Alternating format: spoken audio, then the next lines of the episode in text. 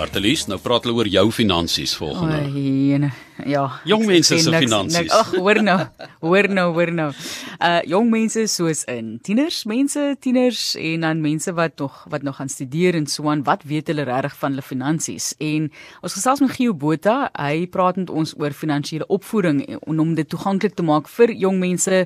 Hy's 'n welvaartbestuurder by Bouwest en medeskrywer van die boek Welvaartskeppers. So hopelik gaan hy vandag 'n paar mense ook vorm op so 'n manier. Maar Gio, kom ons gesels net gevindig net histories gesproke. Jong mense is eenvoudig net nie ingelig oor finansies. Ek dink in die algemeen, ek dink daar is gesinne waar ouers gegaan het en gesê het, "Goed, ek gaan vir jou opvoed, ek gee vir jou begroting, al daai tipe van dinge."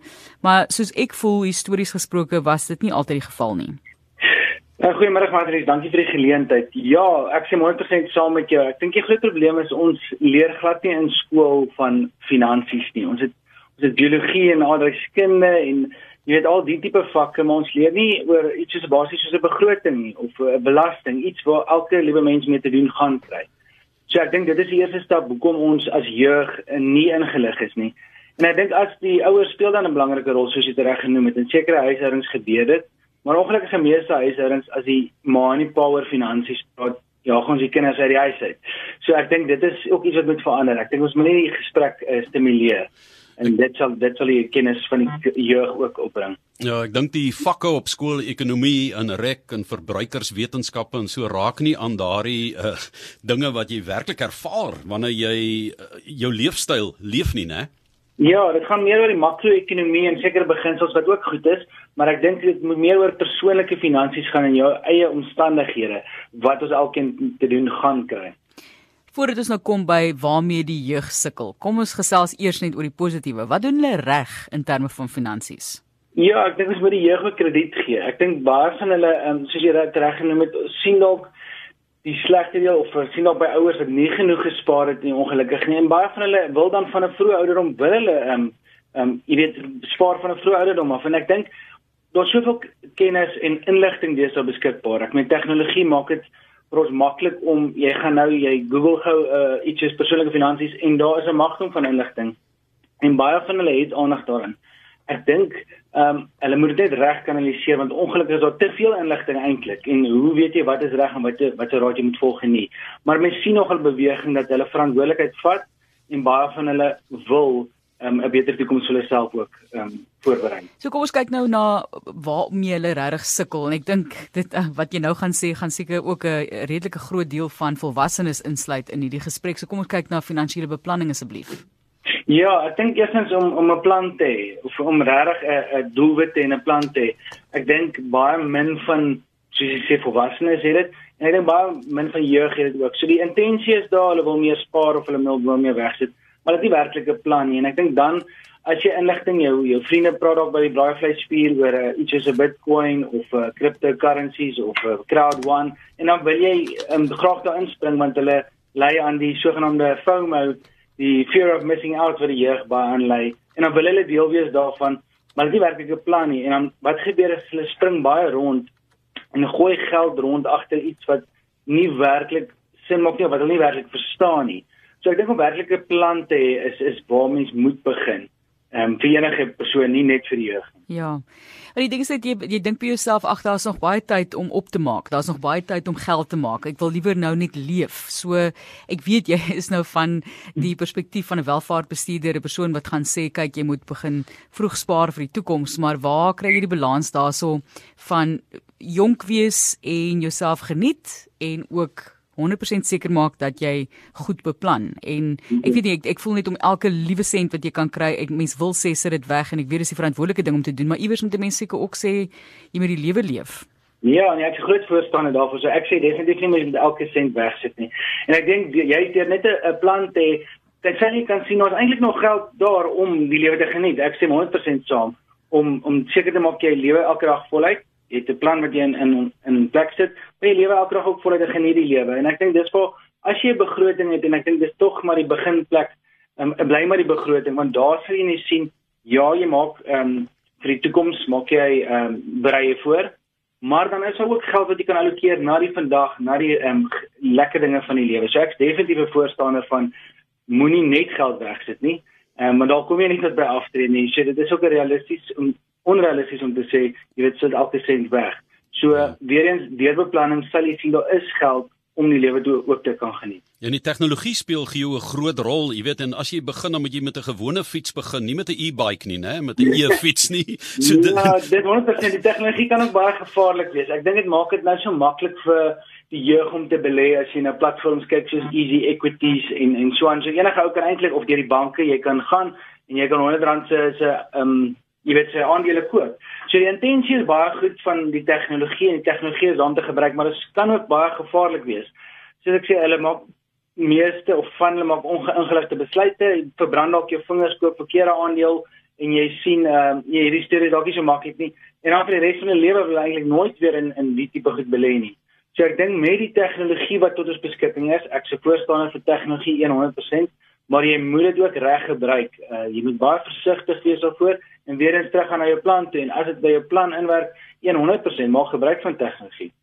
Ja, ek, ek moet sê die maniere waarop tegnologie verkoop word is baie keer ehm um, soos buitensporige winste. Mens moet amper soos wat mense vir jou sê as dit 'n goed lyk om waar te wees, dan is dit nie waar nie. Jy weet, so mens kry met baie platforms waar hulle vir jou die son, die maan en die sterre beloof en dan kry jy daai flikkerende kers in 'n stormwind uiteindelik. So ehm um, ek wil vir jou vra oor hoe belangrik dit is om 'n begroting te hê. Dis nou Gio Botha met wie ons gesels oor finansiële opvoeding en hoe om dit meer toeganklik te maak maak vir jong mense van jongs af begroting begroting begroting en waar begin 'n mens en wat is die riglyne vir 'n 'n begroting Ja, ek dink eers as ons die woord begroting noem met baie mense maar negatiewe konnotasie. Ehm um, veral die jeug, jy weet jy nou jy jy dink dadelik aan ag, nou moet ek gaan sit en ek gaan uh, baie van my ehm um, soos ons gesê jou genot moet uitsny, jou die lekker dinge moet uitsny en ek gaan dit oor opgee. Ek dink eers is ons met die kop skuif maak begroting ons moet nie negatief dink oor 'n begroting. Ons moet amper positief dink, ons moet amper dink van 'n kompetisie of 'n uitdaging vir onsself um, in 'n meer positiewe lig maak. So dan werk ek sal ek sê mens werk volgens 'n baie eenvoudige beginsel en dit is wat enigiemand kan toepas en dit is om te kyk na die 50 20 30 beginsel. Wat dit beteken is jy kyk na die inkomste wat jy maandeliks kry um, per maand. So na jou belasting afgetrek is, jy kry nou 'n X bedrag inkomste. Die eerste 50% van jou inkomste moet gaan aan die must-haves, die goed wat jy werklik nodig het om te oorleef. Dit sal nou wees jou kar, jou huis, jou mediese fonds, ehm um, die skrydeniersware, al daai goed wat jy werklik nodig het om 'n bestaan te maak. As jou want vir meeste mense is eintlik die geval dat jou werklike noodsaaklikhede baie meer is as 50%. En dan kan ons sien die kar wat jy ry of die huis waarin jy bly is eintlik dalk bietjie te groot of te te duur vir jou inkomste. En dan die volgende 20% voor ons dan spandeer aan die lekker dinge in die lewe. Dit sal ek sê, kom ons sit dit weg. Kom ons sit dit of in 'n afleeplan of in 'n korttermynbelegging, hang af wat jou plan is of jou doelwitte. En dan daarna is daar 30% wat ons kan allokeer na die lekker dinge in die lewe, die nice to have soos ons kan sê. So daar is definitief ruimte daarvoor as jy ordentlike beplanning doen voor jy daarby uitkom. Ek dink net die prioritisering is baie belangrik.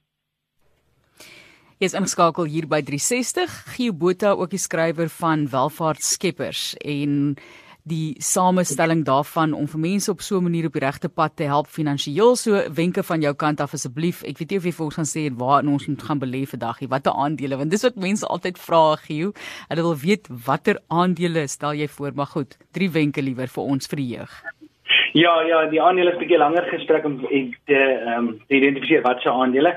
Maar ek sal sê ehm um, as ons kyk na drie vinnige wenke kom ek gaan weer sê hê plan. Jy moet 'n doel doelwit en 'n plan hê. En skryf dit neer. Laat mense daarna kan kyk en dit altyd weer terug kan bring. Dan sal ek sê outomatiseer jou beleggings. Ek het gekry verwys na die 20% toe.